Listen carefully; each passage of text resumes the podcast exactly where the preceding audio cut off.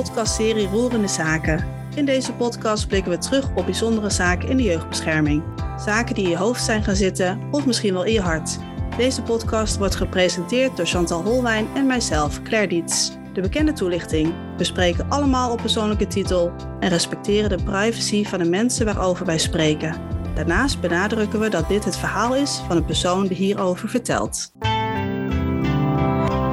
Vandaag bekijken we de jeugdbescherming vanuit een iets ander perspectief, namelijk die van een advocaat. Hiervoor hebben we Jolande te Aves te gast. Voor velen in ons domein een bekende. Regelmatig plaatst zij rake blogs op haar LinkedIn, die je niet ongeroerd laten. Voor deze podcastaflevering vragen we Jolande naar haar meest roerende zaak rondom de jeugdbescherming.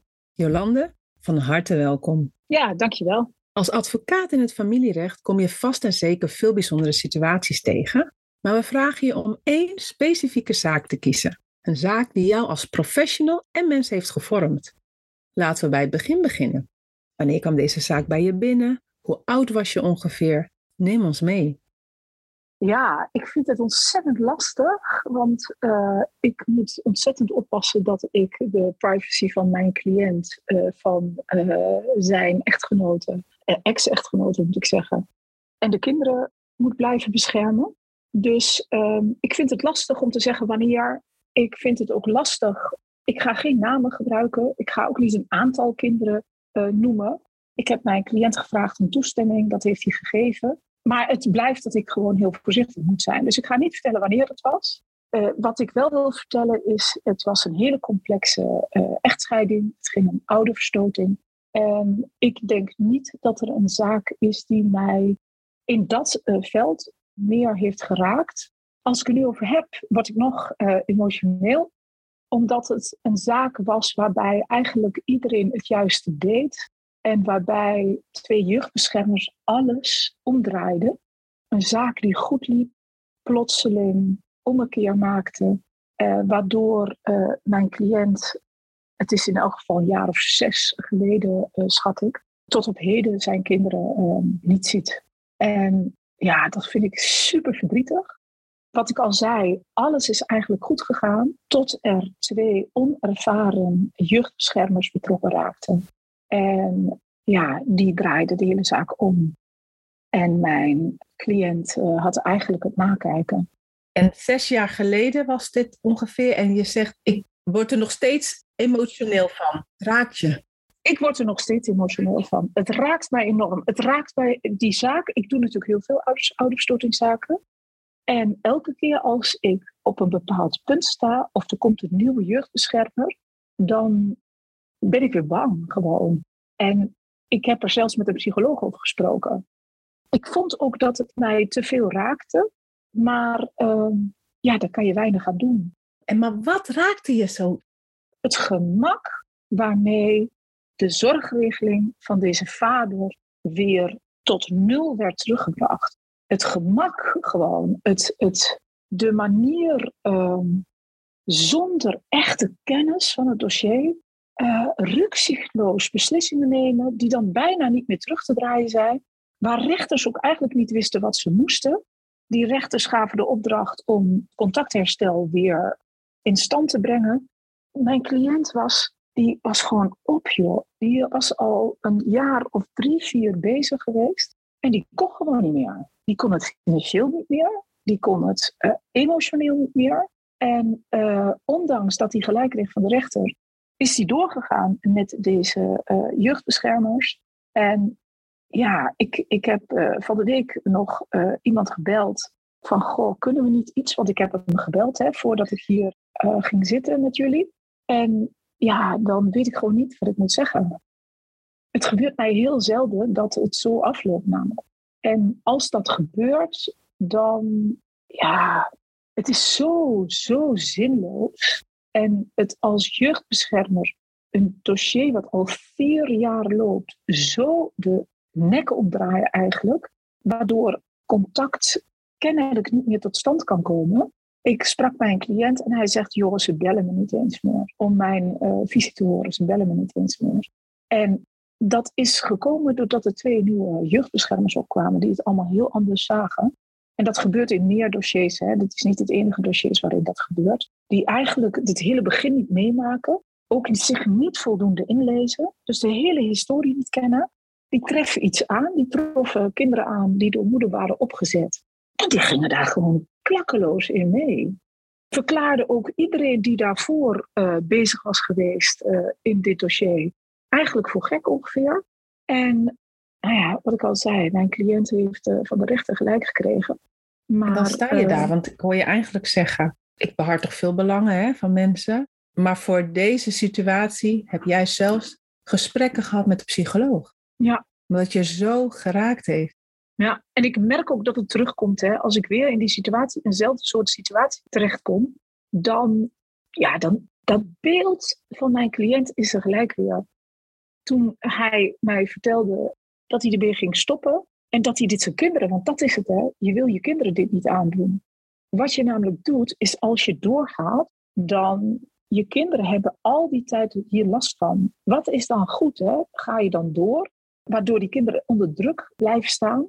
Of zeg je van, joh, misschien is het goed, ik bouw op de relatie die we altijd hebben gehad, die ik met mijn kinderen heb gehad. En ik hoop dat als ze straks uh, twintig zijn en toch eens willen mijn kant willen horen, dat ze dan uh, toch komen. Want het afwijzen van ouder, zonder dat daar iets aan ten grondslag ligt, iets serieus, hè, is weinig uh, nader dan dat. En ik heb echt legio, legio voor dit soort zaken gedaan.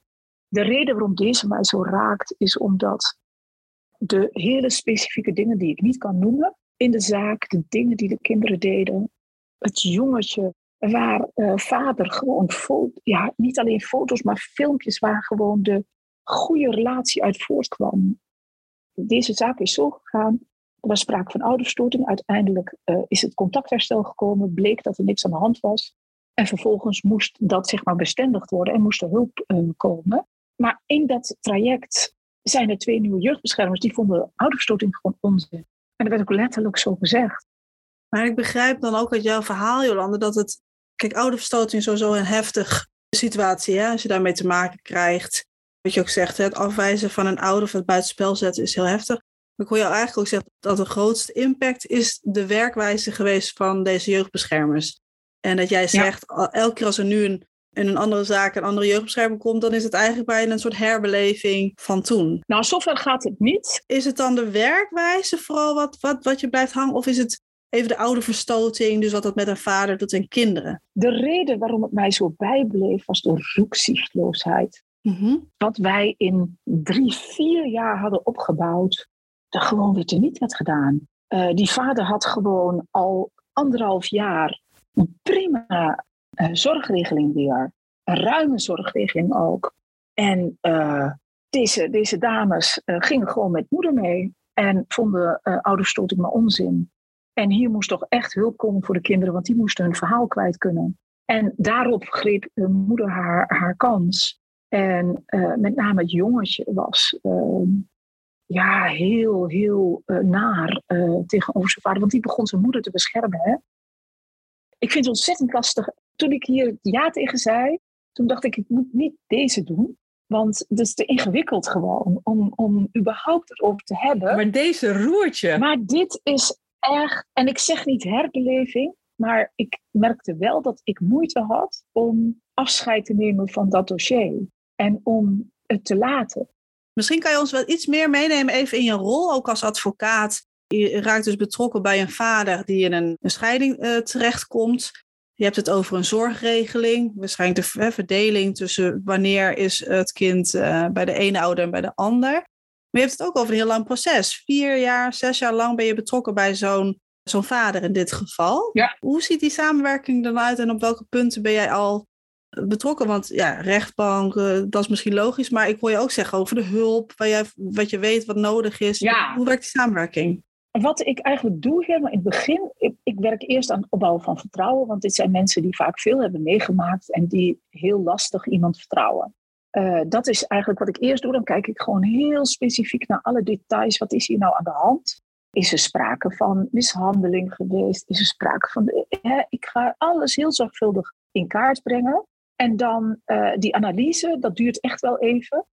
Mensen willen eigenlijk direct morgen dat ik een stuk schrijf en naar de rechter toe. Dat doe ik eigenlijk nooit. Mijn analyse is eigenlijk het allerbelangrijkste en waar ik ook op steun. En dan begin ik eigenlijk eerst aan mijn cliënt te werken. Van, goh, wat kunnen wij doen hè, om die situatie te verbeteren? Welke hulp gaan we inschakelen? Waar kunnen we jou als vader verstevigen, jouw rol? Ondanks, we hebben het niet in de hand wat uh, moeder doet, hebben jou wel in de hand. Dus moeten, want mensen die te maken hebben met ouderverstoting, zijn in mijn praktijk uh, heel vaak mensen die conflicten mijden. Dat is ook wel een beetje een makke, want daardoor raken ze ook makkelijker het contact kwijt, omdat ze bang zijn het gevecht aan te gaan met hun ex. En dat gevecht is eigenlijk al tijdens het huwelijk vaak uh, begonnen of bij samenleving. En hoe bepaal jij of er dan sprake is van ouderverstoting? Want we horen deze term natuurlijk veel als het gaat om complexe scheiding. Daar hoort ook een ja, analyse bij, maar ook een deskundigheid. Is het dan iets wat jij daarin bepaalt? hey, er is hier sprake van ouderverstoting. Of zit daar een andere professional bij die de hele situatie in kaart brengt? Hoe gaat dat? Nee, dat doe ik zelf. Inmiddels heb ik zoveel ervaring. En ik zeg altijd dat de reden waarom ik denk dat ik dat goed kan, is omdat ik heel veel huiselijk geweldzaken doe en heb gedaan. Dus ik denk dat ik wel 1500, nou misschien is dat te veel, duizend uh, huiselijk geweldzaken heb gedaan. Oorspronkelijke, waardoor ik heel makkelijk de patronen herken die in die situatie spelen. Dus ik kijk eerst, is er zo'n patroon aanwezig tussen deze twee echte lieden? Als dat wordt geclaimd, hè, want dat is vaak de claim, of er is uh, sprake van psychisch geweld, uh, dat moet ergens uit blijken. Maar als ik dat niet kan vinden, dan kijk ik naar hoe reageren deze kinderen? Want kinderen die met ouderstoting uh, te maken hebben, reageren vaak heel zwart-wit. Daar is geen nuance. Het is echt helemaal weg. Ze gaan ook dingen zeggen die eerder hun moeder of vader, wie dan ook aan verstoten is, uh, ook al heeft genoemd. Dus je ziet daar een patroon in. Kinderen gaan dat overnemen. Dus die gaan zich ook, wat ik ook heel veel zie, is dat kinderen gaan uh, de ouder die ze het zieligst vinden gaan helpen. En die, die verstotende ouder die voedt dat ook. Of het dan financieel is, emotioneel is, of wat voor manier dan ook. En wat ik heel vaak zie, en daar kijk ik ook heel vaak naar, waar zijn de, de raakvlakken met het verleden van de persoon die verstoot. Dus die de kinderen laat verstoten. Hè? Ik zeg altijd de verstoter. En, en, maar de kinderen zijn eigenlijk degene die verstoten. En dan ga ik even de advocaat van de duivel spelen. Jij bent natuurlijk eh, van één ouder de, de behartiger, belangenbehartiger. Ja. Je hebt het in dit geval over dat de moeder de uh, verstoten is. Het is makkelijk gezegd vanuit de andere kant van ja, maar jij zegt dat, want jij behartigt vader. Dus is, het vrij logisch dat je deze moeder zwart maakt. Kan je dus ook vanuit jouw rol als advocaat dus de hele context zien? Ja, ik maak al bezwaar tegen de term zwart maken. Dat doe ik niet. Nee, ik zeg even advocaat van de duivel, hè? zeg ik even. Dus ik zeg nu, jij praat namens je cliënt. Ja, maar eh, dat vind ik echt iets anders dan de andere partij zwart maken. Ja. Dus dat doe ik niet. Ik geef altijd feiten weer. En uh, ik kom op een lijstje. Ik gebruik heel vaak de, de lijsten van Helene Koppian. Ik kijk altijd in het uh, rapport van het expertteam, gebruik ik veelvuldig. Dat zijn bevindingen die heel belangrijk zijn voor mij. In dit geval is er onderzoek gedaan. Dus in dit geval was er onderzoek gedaan naar wat de dynamieken tussen partijen was en tussen de kinderen. Want op die manier hebben we vader teruggekregen bij uh, de kinderen in de eerste, in de, op het eerste moment. Ja, toch waren daar die uh, jeugdbeschermers die vervolgens zeiden van het is allemaal onzin. Maar daar ben ik benieuwd naar dat moment, hè? Want jullie hebben eigenlijk hard gewerkt. Er zijn onderzoeken geweest. Na al die jaren, het raakt je nog steeds. Wij kunnen jou oh, zien, de luisteraars niet, maar we zien ook dat het je raakt. Wat gebeurt er dan op het moment dat je denkt, goh, we hebben met elkaar hard gewerkt. Er is weer, het contact wordt weer opgebouwd. Er kan weer gebouwd worden. En dan stopt dat weer. Wat gebeurt er op dat moment? Ja, dat is afschuwelijk. Dan vliegt eigenlijk de vlam in de pan bij iedereen die heel hard heeft gewerkt om dit systeem weer op een goede manier te laten werken. Want vader heeft aan zichzelf gewerkt, heeft een psycholoog gehad, uh, heeft ondersteuning gehad van een systeemtherapeut die hem bij heeft gestaan. Er is van alles gebeurd in dat systeem en de hulp aan de kinderen is stopgezet. Uh, alles is eigenlijk stil komen te staan. En ik heb, ben niet bij machtig geweest op dat moment om dat direct weer op te kunnen starten. Ondanks dat de rechter zei, het moet. eh, omdat mijn cliënt gewoon op was.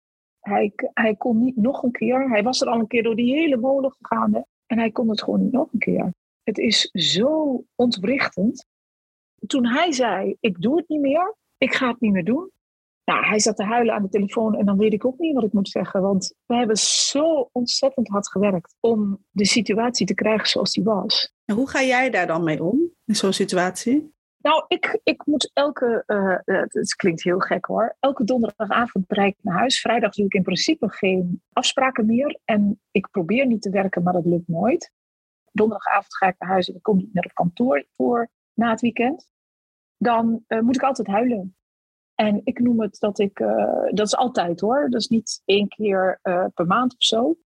Maar dan wast eigenlijk mijn hart schoon of mijn ziel moet schoongemaakt worden, weet ik niet. Ik krijg een heleboel ellende over mij heen de hele week. En dan moet ik ook zeggen, is het ook weer, ja, dan is het ook wel weer, uh, weer klaar. Dan haal je naar volle tevredenheid. Hè? Dat, dat wat eruit moet, dat laat je toe om te stromen. Weet je, ik kan niet doen alsof het mij allemaal onberoerd laat. Dat, dat, dat, dat doet het gewoon niet. Ik vind het moeilijk om onrechtvaardigheid te accepteren. En dat moet soms, hè, dat hoort gewoon bij mijn werk. Maar ik vind het lastig. Ja, ik denk ook dat de reden waarom ik zo uh, hard werk uh, zit in dat ik dat ik ga in ieder geval alles doen om te voorkomen dat dat gebeurt. Hè, dat, het, dat het een verkeerde uh, uitslag gaat hebben. Ik vind dat ook mijn verantwoordelijkheid naar mijn cliënt toe. Ik kan ook goed accepteren als we alles hebben gedaan en de rechter denkt er anders over of jeugdbescherming denkt er anders over dan kan ik dat ook redelijk uh, goed accepteren als dat onderbouwd is. En als het, hè, ik heb niet de waarheid in pacht, die verschilt van mening. Hier gebruikt iemand zijn macht. En dat is voor mij, dat, moet, dat, moet je, dat kon je in dit geval gewoon echt niet doen. Wat daar aan schade aangericht is in een paar weken tijd, is. Uh, en weet je, ik moest, ik moest denken hè, van, goh, moet ik het nu over een positief, hè, een, een positief verhaal hebben? moet ik een negatief verhaal vertellen? En ik dacht, ik vertel iets anders. Maar. Moet het eerlijke verhaal? Hij klopte op mijn deur. Ja. En uh, vanmiddag dacht ik ook van ja, dat kan gewoon niet. Ik moet het gewoon hierover hebben. Want als iemand mij vraagt wat life-changing was. Dan was dit het. Dan was dit het wel. En sindsdien merk ik ook dat ik uh, meer durf heb om hierover te praten en ook te zeggen van, joh, kijk naar de schade die we aanrichten met z'n allen. Ja, want dat is ook wel mijn vraag inderdaad, van wat voor impact heeft dus deze situatie op jou, nou ja, misschien wel handelen gehad of jou als professional? Je zegt het zelf ook, eigenlijk heeft het je misschien nog sterker gemaakt in hiervoor te staan als, als je dat onrecht ziet. Begrijp ik dat dan goed? Ja, kijk, weet je, ik vind het altijd heel lastig, want aan iedere ouderverstotende vader, iemand die, die, die zegt dat de ouderstoting staat, aan de andere kant iemand die zegt hij is heel slecht. Hè? Er de, de, de, is uh, huiselijk geweld, seksueel misbruik, whatever. De, van alles wordt er uit de kast getrokken. Soms is dat ook zo. Hè? Waar ik het verschil vooral in zie, en dat zie ik ook steeds vaker, is van ouderverstoting is er is vaak sprake wanneer iets kleins, hè, wat in een gezin gebeurt, ontzettend opgeblazen wordt door een kind ineens. Dan heb je een kleine, uh, soms is dat de druppel, hè? maar dan heb je ook meerdere voorbeelden. Maar soms is het gewoon, ja, vanuit het niks wordt iets uh, gigantisch gemaakt. En die situatie, daar vind ik het, uh, het dat is voor ouders ook heel moeilijk te accepteren. Want ineens worden ze weggezet als iets, terwijl zij zichzelf helemaal niet. Uh, ze herkennen gewoon het verhaal helemaal niet. Wel dat er iets heeft plaatsgevonden, maar dat dat dan ineens zo'n impact heeft, ja, dat, dat nee. Dus dat onderzoek naar de details is het allerbelangrijkste in die zaken. Ja, dat horen we je ook vaker zeggen, hè? dus daar ben je ook echt ja, heel stellig in, in die zorgvuldigheid, ja. daar, dat is eigenlijk de start. Ik schrijf echt stukken voor de rechtbank van soms 25, 30 pagina's met soms wel 50 uh, producties om te bewijzen wat er aan de hand is. En de reden waarom ik dat doe, want als je die bulk niet hebt, zie je het gewoon niet. Je ziet dat bij uh, uh, zaken waar intieme controle speelt, hè? intieme terreur het, noemt men het ook wel. Daar heb je ook bulk nodig. Want één of twee van die situaties, die zijn niet zo tekenend. Pas als je een patroon ziet, dan ga je denken, dan, dan krijg je niet pluisgevoel. En ik vind dat je op ieder niet pluisgevoel van welke aard dan ook, of dat nou richting mijn cliënt is, hè, want dat gebeurt ook wel eens, daar moet ik iets mee. Dit soort zaken vergt zorgvuldigheid. En niet omdat ik of mijn cliënt een recht heeft, maar omdat die kinderen rechten hebben.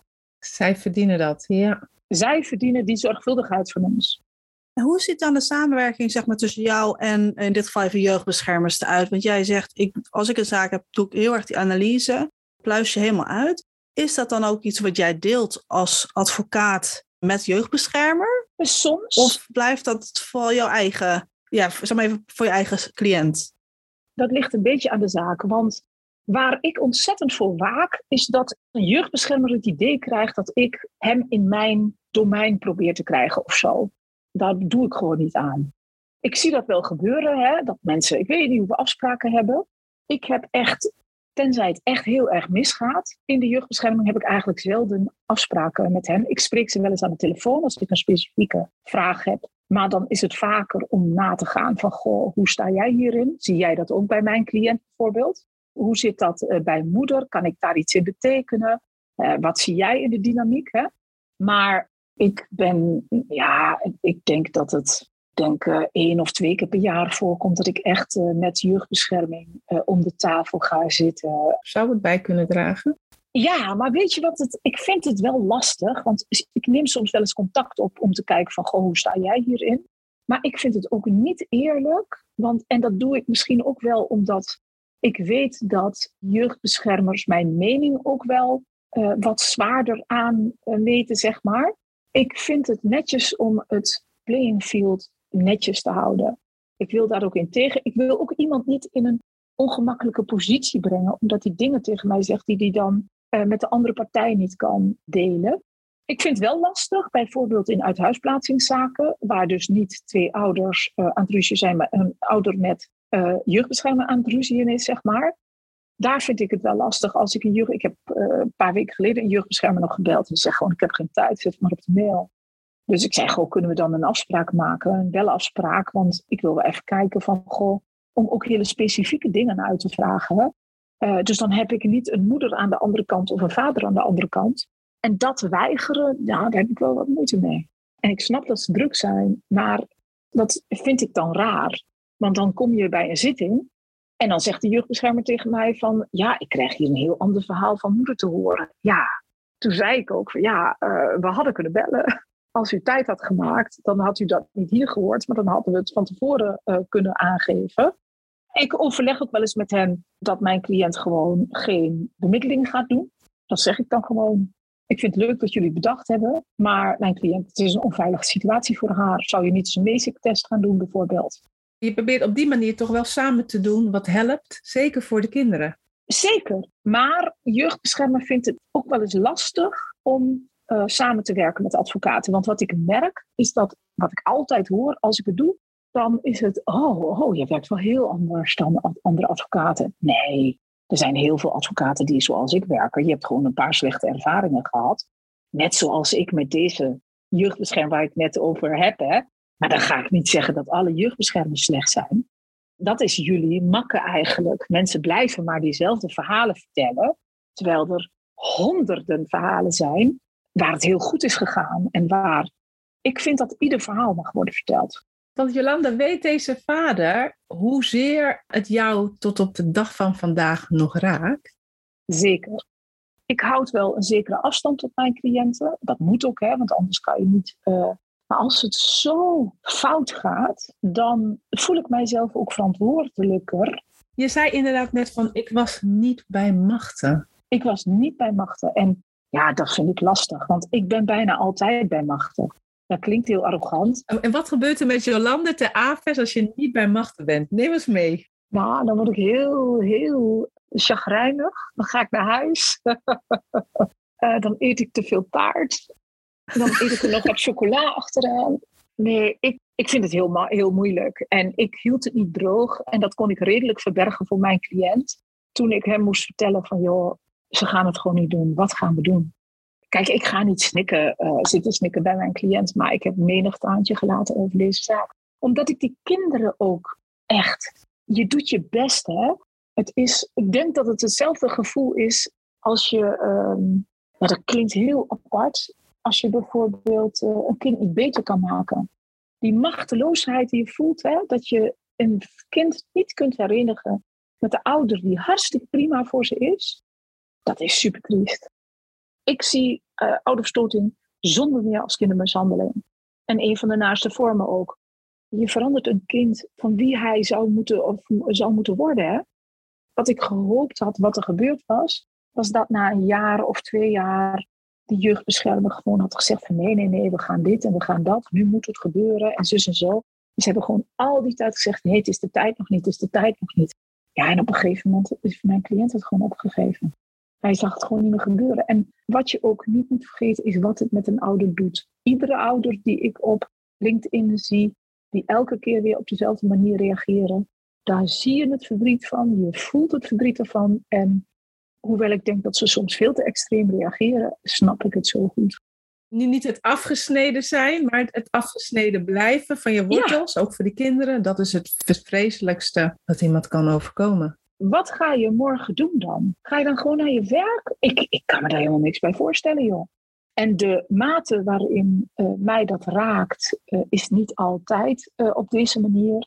Maar het raakt mij wel iedere keer als het gebeurt. En dat gebeurt regelmatig, hè, dat cliënten zelf ook zeggen van... joh, wat er nu met mijn kind gebeurt, wil ik ook niet. En je bent toch steeds weer terug, hè? Want ik, we hoorden je ook zeggen in het begin... dat eigenlijk na die ervaring dat op het moment dat je weer een soortgelijke zaak krijgt, komt het toch weer eventjes omhoog. Ja, als ik een wisseling van jeugdbeschermer zie, en die wordt meestal aangekondigd, hè, ik stop ermee, krijgt ze dan eerst, dan wordt iemand anders, dan heb ik iedere keer nog, oh, laat het alsjeblieft iemand zijn die dit begrijpt, die zich inleest. Wat reageer je daar dan op? Ga je het gesprek aan of stel je dan andere vragen? Hoe doe je dat dan?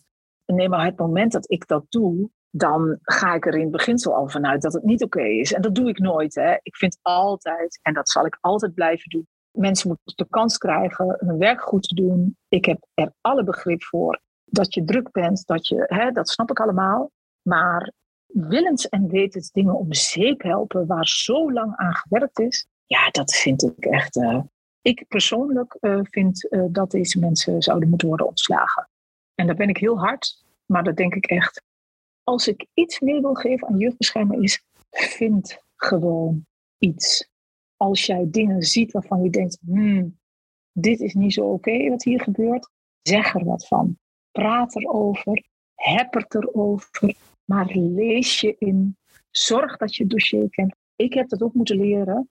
Het is niet altijd wat je op het service ziet. Daaronder die laag ziet veel meer. En als je daar geen onderzoek naar doet, heb je geen idee.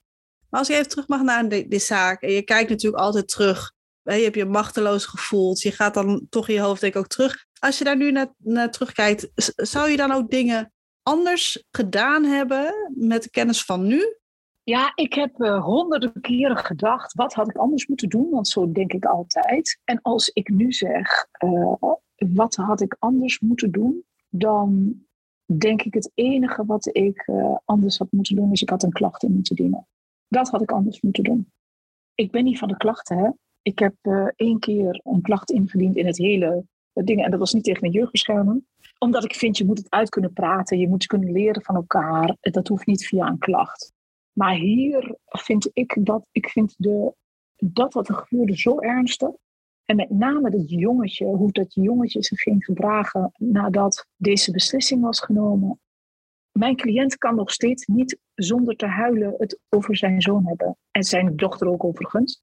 Maar daar is iets gebeurd waar, um, ja, dat haal je niet meer uit, uit, een, uit een vader. Hè? Ja, dus de beschadiging die door de generaties heen gaat. Dat vind ik uh, uh, lastig om te zeggen, want ik zie ook wat ik heel moeilijk vind, is iemand, überhaupt iemand, hè, zoveel verdriet te zien hebben. Om iets wat zo onnodig is.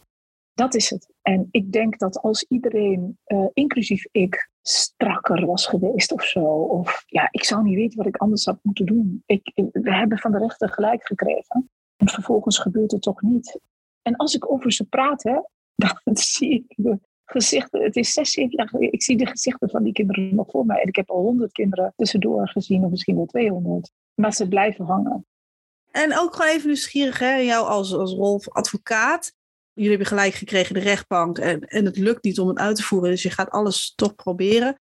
Hoe ga je ermee om als jij een cliënt treft die zeg maar de verstoter is? Oh, dat wordt een heel interessant. Dat is altijd interessant. Vertel. Als dat zo is, dan ben ik vooral met hem of haar bezig. En wat ik dan doe is, ik, sowieso, ik werk er niet aan mee. Laat dat duidelijk zijn. Als iemand claimt, uh, dat doe ik bij iedere huiselijk geweldzaak, dat doe ik ook al 15 jaar. Ik onderzoek alles. Of ze nou van de vrouwenopvang komen, of uh, ze komen uh, van de Zuidas of uit Chitjerk Tradeel. Ik wil zelf weten wat er gebeurt. Als er nergens iets te vinden is, dan vind ik het heel lastig om het te geloven, want dan wil ik mijn eigen overtuiging speelt dan een grote rol. Ik vraag dan bijvoorbeeld dingen van het consultatiebureau op, de huisarts. Uh, die wil ik gewoon zelf zien. En daar staat meestal wel in dat iemand zich zorgen maakt. De huisarts maakt zich soms zorgen. Uh, een aantal keren niet op consultatiebureau komen. Nou, of altijd met z'n tweeën. Hè. Altijd met z'n tweeën, waarbij er geen prettige sfeer. Ik heb wel eens een keer in consultatiedingen zien staan. Vader was erg bepalend. Dat schrijft de verpleegkundige, was het in dit geval, niet zomaar op. En dat, eh, dat zeg ik ook altijd als ik voor anderen dan jeugdbeschermers spreek. Schrijf op wat je ziet. Daar is niks mis mee. Zeg het ook gewoon. We hoeven niet dingen te verstoppen. We moeten veel meer ons uitspreken. We moeten veel meer zeggen. En dat doe ik met die cliënten ook. Wat jij, hè, jouw vraag. Ik heb ook wel eens tegen een cliënt gezegd: Ik geloof je niet. Ja, dan kan je mij proberen te overtuigen. Of een andere advocaat gaan zoeken. Want ik ga niet iemand met iemand naar de rechtbank toe als ik jou niet geloof dan ben ik de slechtste advocaat die je kan treffen. Je hoort advocaat ook vaak zeggen, het gaat ook gewoon om het eerlijke proces. Hè? Strafpleiters die zeggen, ja, ook al weet je dat diegene het gedaan heeft, het gaat om het proces. Maar jij zegt dan wel van nee, maar dat zijn niet dan de cliënten die ik verder goed kan helpen. Als ik geloof dat iemand aan het verstoten is, zeg ik dat en dan vraag ik hem hulp te zoeken. Dan ga ik hem ook helpen. Hè? Want ik heb een heel netwerk van mensen die daar, uh, en dat gebeurt ook wel eens, hè? Ik heb wel eens een keer gezegd tegen een cliënt, dat vond ik wel heel interessant. Die narcistische trekken die nemen nu echt de overhand. En zo tijd je wat ga ik weer gaan doen. En dan was ik nog heel voorzichtig.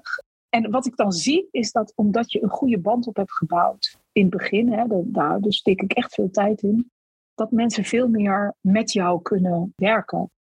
Ik heb zelfs met iemand die verstoot eh, ontzettend te doen. Want ik geloof dat het zelden zo is dat iemand echt in en in slecht is. Je hebt een patroon in een uh, uh, relatie gekregen, een relatie die voorbij is. En daar zit onverwerkt verdriet. En dat wordt soms via de andere ouder en vaak ook via de kinderen dan op een nare manier verwerkt, als het al verwerkt wordt. Je hebt al zoveel zaken voorbij zien komen en er komen er ongetwijfeld nog meer. Maar zijn er ook momenten dat je echt denkt: ik kan dit niet meer. Het is nu genoeg. Oh, elke maand. dat is echt waar. elke maand verzucht ik. Uh, ik zei, uh, ik denk twee weken geleden nog tegen mijn collega. Uh, het is wel goed dat ik regelmatig een mooie beslissing krijg. Want anders, we moeten toch ook af en toe eens een gewone echtscheiding doen. Gewoon om de balans te houden, zeg maar. Maar ja, ik vind het eh, aan de ene kant heel intrigerend wat er gebeurt. Ik merk dat ik succes heb in, met wat ik doe. En dat succes is soms relatief. Soms verbeter je de situatie, maar word je niet goed. Dat is echt iets anders. In sommige zaken vind ik het al mooi als het uh, stabiel wordt. Wanneer er niet meer continu met eieren wordt gegooid en kinderen met boodschappen komen en dat soort dingen. Ik zorg in ieder geval dat mijn cliënt het niet doet. En als mijn cliënt, om jouw vraag, jouw eerdere vraag te beantwoorden, als mijn cliënt daarmee door wil gaan, dan neem ik met liefde afscheid. Jij begeeft je dus vooral in het familierecht, eh, jeugdrecht, OTS, uit huisplaatsing, complex scheiding. Daar heb je ooit ook een keuze in gemaakt om je daarin te specialiseren. Wat was daar voor jou dan ja, de reden of misschien wel je motivatie om dus deze kant op te gaan? Ik ben in het uh, staats- en bestuursrecht afgestudeerd. Als iemand mij dat vertelt, dan had ik gezegd: nee. Hoe kom je er dan toch? ja, inderdaad. Het familierecht koos mij een beetje, denk ik. Uh, omdat ik, ik deed eerst de algemene praktijk. Hè. Ik, ik, vond het heel leuk om uh, met uitkeringszaken bezig te gaan. Ik vind bestuursrecht nog steeds een ontzettend leuk, uh, leuk onderdeel. Af en toe doe ik ook nog stiekem een, uh, een PGB-zaakje of een andere, omdat het gewoon heel formalistisch is en heel maar toen ik eenmaal een paar huiselijk geweldzaken kreeg, toen kreeg ik ze, nam ik ze over van iemand. op een gegeven moment kwam de vrouw op van bij mij met de zaken. Nam ik over van iemand. En dan zag ik gewoon dat er eigenlijk nauwelijks iets was gebeurd. Er was niks in kaart gebracht. Er was eigenlijk heel weinig aan onderzoek gedaan. En men riep eigenlijk maar wat. En toen ik me daar een paar zaken deed, toen zei de vrouwenopvang van joh, wij gaan jou gewoon standaard inschakelen. Onze vrouwen zijn beter beschermd. Niet dat ik daar aan ouders tot doe, maar ik kijk altijd naar wat is een passende omgangsregeling. In principe is er altijd een omgangsregeling. Het gebeurt maar één of twee keer per jaar dat dat niet kan, hè, door de ernst van, de, van het huiselijk geweld. Daar vindt ouderstorting bijvoorbeeld zelden, in mijn zaak althans, zelden plaats. Mensen krijgen de kans ook niet om de andere ouder te verstoten. Want als je bij mij in de praktijk komt, is er geen vraag of er omgang moet zijn. Die moet er gewoon zijn. Tenzij, en dan heb je echt een scala aan hele heftige dat het echt niet veilig is voor de kinderen. Maar ook dan probeer ik. Een... Voegen mensen zich ook? Als ze zeggen, joh, dat is niet in vragen. Dit is gewoon wel waar we naar gaan kijken. Ja, want mensen horen van anderen, hè, zeker als ze bij de vrouwenopvang vandaan komen. En dat is toch wel een groot deel van mijn huiselijk geweldzaken. Mensen vertrouwen mij vrij snel al, omdat ze al van anderen hebben gehoord dat ik te vertrouwen ben. En de manier waarop ik natuurlijk met ze omga. Maar zo ben je er dus eigenlijk ingerold, zeg jij. Dat klinkt redelijk meer van, oh, het komt op mijn pad. Ik ben er goed in, dus ik ga dit maar doen. Dat klinkt heel erg, eh, eigenlijk bijna zakelijk. Maar als ik jou zo hoor vertellen over je werk, zit daar heel veel roering. Zit daar heel veel eigen emotie achter. Dus er zit toch ook, denk ik, een persoonlijke motivatie? Nou ja, maar dat is eigenlijk niet zo. Want dat had ik bij de PGB en iemand die een uitkering moest inleveren ook wel een beetje. Dus eigenlijk overal waar onrecht is, daar kan jij je in, daar bijt jij je vast. Ongeacht welk thema. Maar wat in jouw geschiedenis maakt of heeft gemaakt dat je nu hier zo staat en niet tegen onrecht kan? Want iedereen die jou kent, ken jou. Ja. Ook je op werkgebied. Je bent zo gepassioneerd, maar op een verre manier. Je gaat ervoor, je, je loopt de kantjes er niet vanaf. Nee. Je laat je raken. Wat in jouw geschiedenis heeft gemaakt want dat zijn niet alle advocaten. Nou, ik zal je iets anders vertellen. Toen ik uh, de radioopleiding ging doen, had ik op het eind een gesprek met een rechter en met een hoogleraar. En toen werd mij de vraag gesteld: waarom wil je rechter worden? En toen zei ik: het lijkt me ontzettend fijn om in een organisatie te werken waar iedereen heel erg zijn best doet om het goed te doen. Ik denk dat dat mijn motivatie is. Ik vind het ontzettend fijn en dat merk ik ook bijvoorbeeld aan ik ben mega trots op mijn collega die nog maar een jaar advocaat is en die al zo gedreven is en ik ben gewoon flabbergasted in wat uh, toen zij die toga eenmaal aantrok, was ze advocaat. Je ziet dat gewoon groeien. Nou, die gedrevenheid om het goed te doen, die heb ik bij elke zaak. Hoe klein, hoe groot, maakt me echt niet uit. Toen je jong was, had je dat ook? Was je ook al de klassenhoofd en uh, klassenbemiddelaar? Of, uh... Nee, nee, nee, nee, nee, totaal niet de directeur van de school, toen ik mijn diploma ophaalde, die zei dat hij toch wel was hoeveel van al die uren die ik niet op school was, uh, nou werkelijk was of niet was. En toen zei ik tegen hem, daar schaam ik me een beetje voor, dat ik helemaal niet brildragend ben. En ik heb mijn hele schoolperiode gezegd dat ik uh, ja, een, een rare uh, iets had en dat ik naar oogarts moest. Dus ik spijt me nogal. Ik, uh, ik heb wel eens een keer mensen uh, allemaal vrijgegeven. Had ik op het prikbord gehangen. School vond ik vooral heel wollig. Ik zag het als iets wat uh, de tijd die je moet uh, doorkomen. En ik was zeker niet gedreven om nou succesvol te worden of zo. Maar dat ben je wel geworden. Ja, men zegt het. Ik, ik vind vooral als iemand mij vraagt waar ik het meest trots op ben, dan is het iedere zaak waarin ik iets bereikt heb voor kinderen. Daar ben ik trots op. Mooi. Je hebt eigenlijk al eerder wat even tips gegeven even aan jeugdbeschermers, hè? hoe zij uh, ook met deze complexe scheiding om kunnen gaan. Welke tip geef jij mee aan advocaten die ook dus in dat speelveld zitten van complexe scheiding, jeugdbescherming? Wat geef je hun mee? Oh, die vind ik wel moeilijk. Tips geven betekent dat je het beter weet. En dat, dat vind ik heel lastig, want ik weet het echt niet beter. Wat jou misschien heeft geholpen, kan ook een ander helpen. Ja, ik vind dat iedere advocaat zijn stinkende best moet doen voor het hele systeem. Doe vooral veel onderzoek, steek er genoeg tijd in. Ook al betekent dat dat het, je cliënt meer geld kwijt is of dat die toevoeging dat je minder dan het minimumloon moet gaan werken.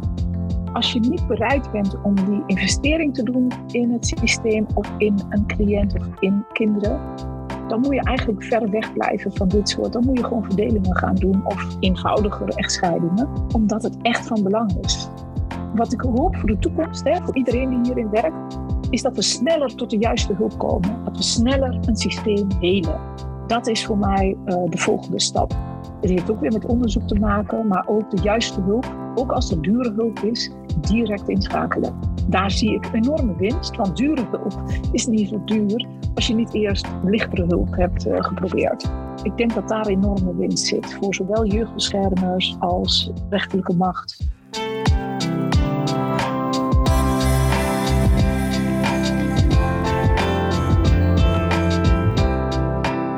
En dan zijn we weer aan het einde gekomen van deze aflevering van Roerende Zaken.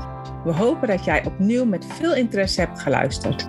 En zoals altijd bedanken we onze gasten voor het delen van hun roerende zaak. In dit geval Jolande. Wil jij nog meer roerende zaken horen? Ze zijn allemaal te luisteren via jouw favoriete podcast-app. De podcastserie is onderdeel van het platform De Zin en Onzin van Jeugdzorg. Meer informatie hierover vind je op www.zo-jeugdzorg.nl. Voor nu een fijne dag gewenst en graag tot de volgende roerende zaak. Dankjewel Jolande. Doei!